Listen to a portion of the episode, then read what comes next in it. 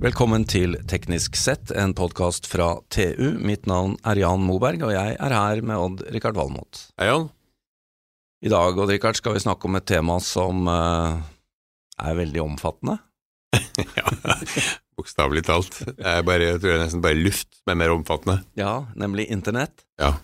Og uh, Norge var tidlig på.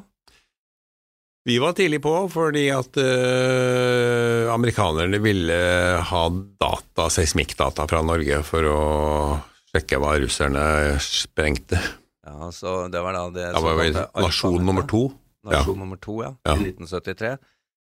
Og dette har vi nemlig superkompetanse på i studio i dag. Vi eh, har fått med oss eh, Håkon Bergsjø, som er avdelingsdirektør i Nasjonal sikkerhetsmyndighet, og Bjørn Svenungsen, som er forsker ved Forsvarets høgskole. Og vi må begynne med deg, Håkon. Du må fortelle oss litt om historien her, som Odd-Rikard var inne på. Eh, Det er ganske spennende, egentlig. Og ikke minst denne kommersialiseringen som traff i tid veldig godt. Ja, den gjorde jo det. Var det, det, er, det er Bjørn som snakker. Ja, men Bjørn, eh, det, det, var, eh, det, var, eh, det var en veldig eh, kan si, tid og sted for internetts fødsel, om du vil. Jeg Har jo at vi har fått et globalt internett. Ja. Um? Det, det kom, det ble jo spredt ut til de store massene på 90-tallet. Da var den kalde krigen over. Russland og var, i, var borte. muren var borte. Sovjetunionen var i knestående, fattig, kriminalisert land på 90-tallet.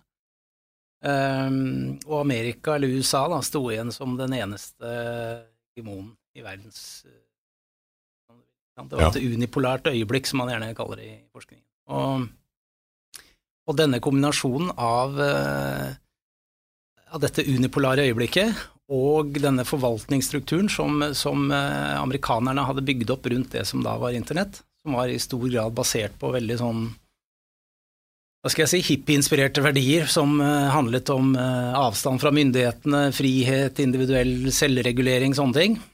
Det førte til en helt unik start, da, fødsel om du vil, for, for Mm. internett.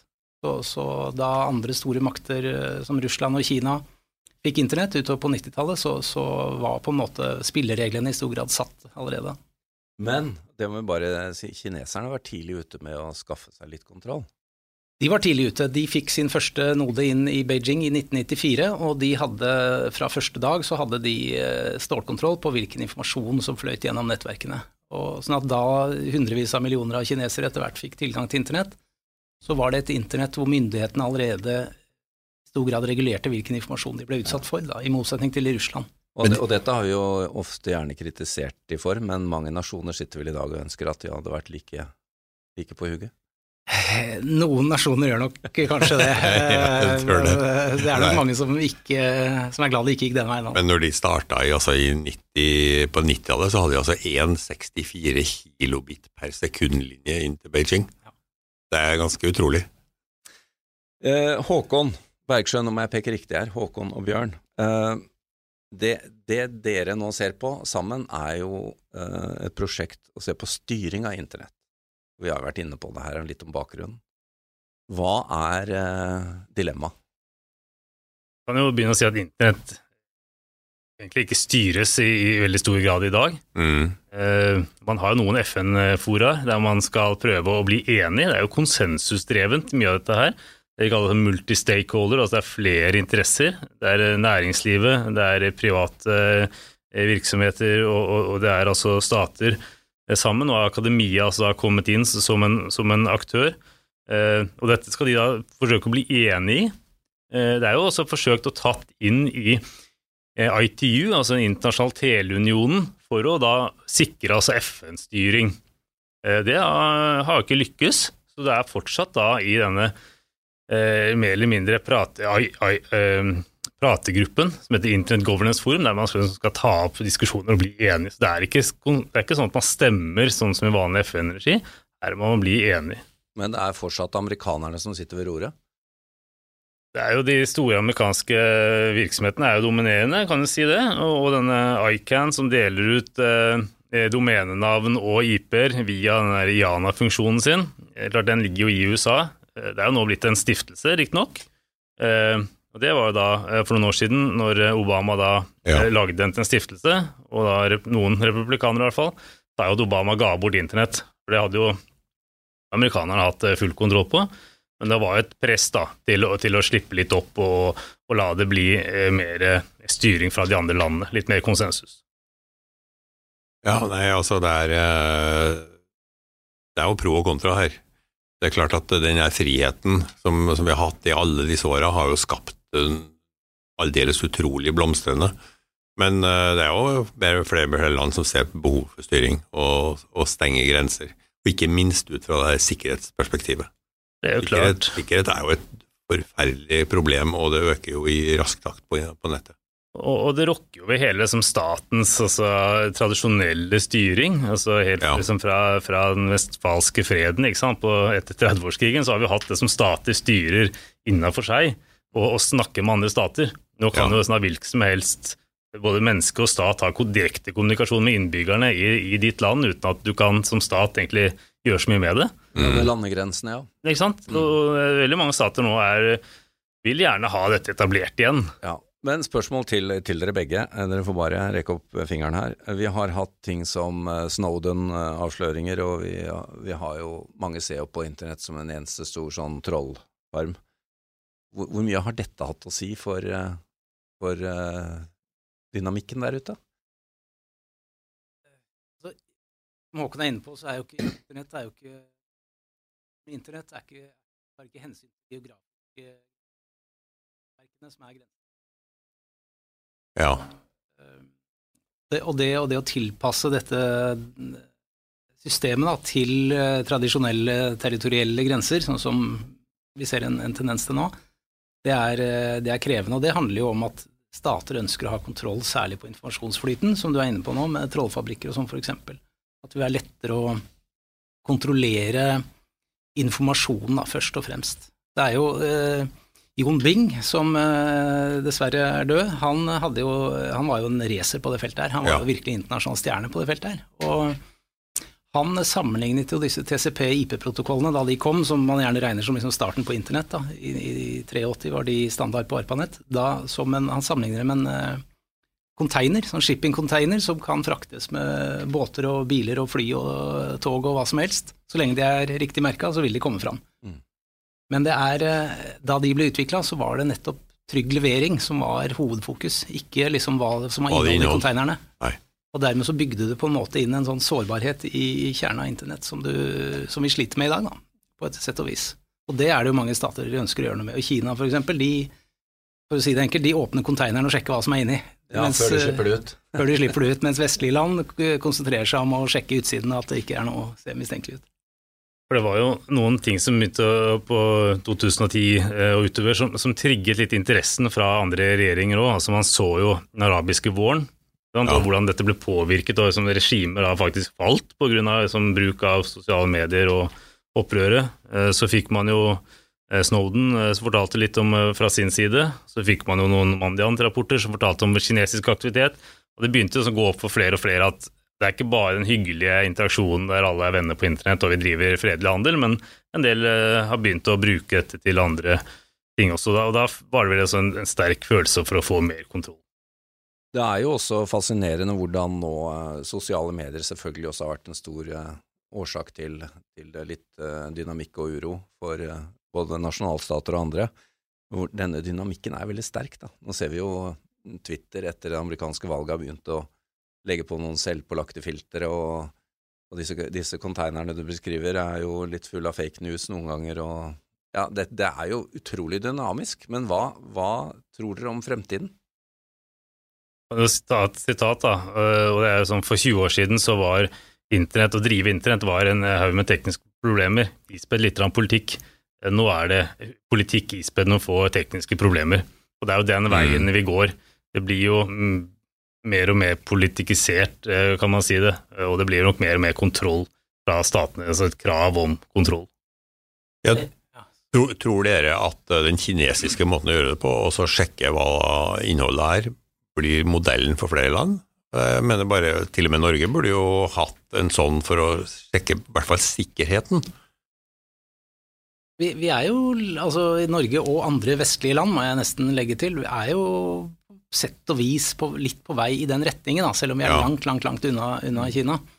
Uh, f.eks. ved å ikke sant, Tilrettelagt innhenting f.eks. er jo på en måte, hvis du ser litt stort på det, litt uh, et grep i samme retning. Men, men når du da har eh, type Starlink-prosjektet, uh, som skyter opp eh, tusenvis av små satellitter som gir godt internett fra himmelen, hvordan i all verden skal man fikse dette?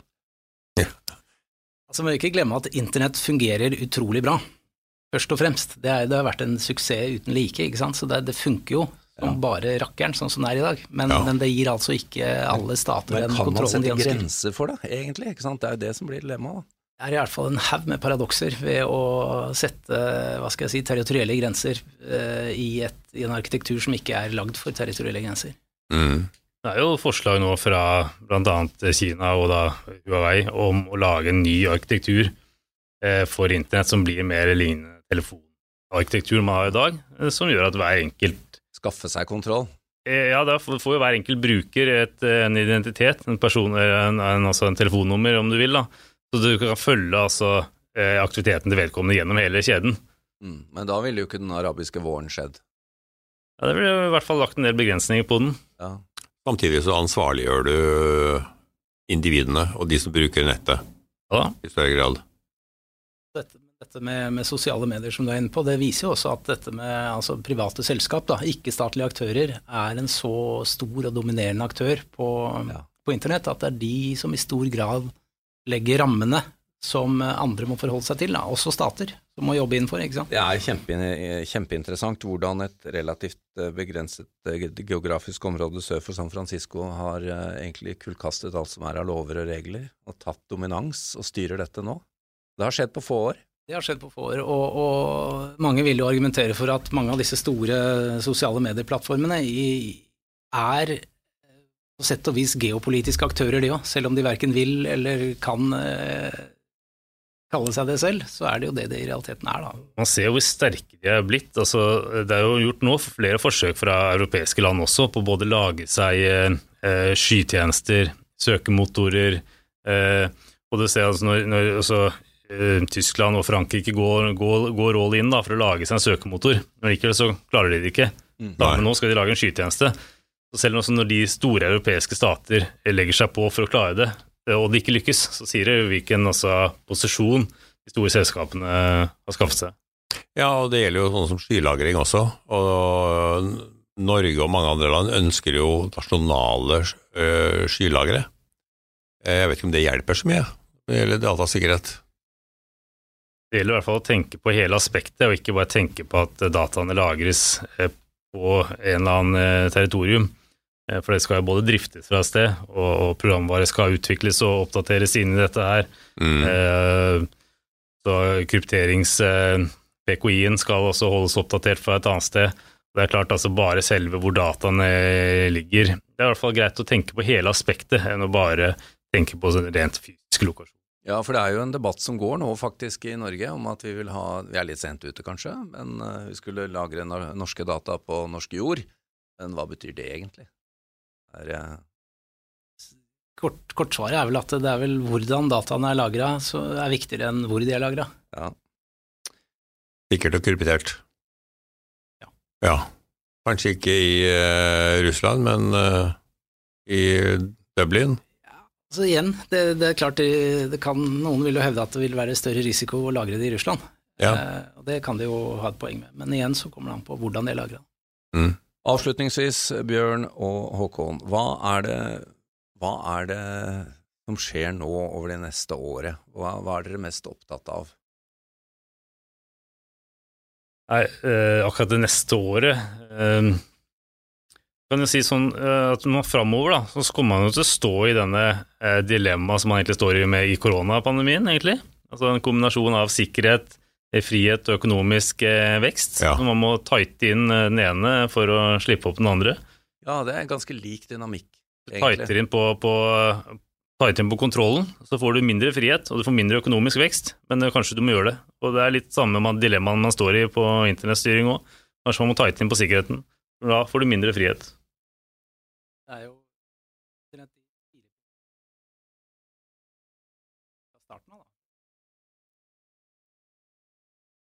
Frihet. Mm.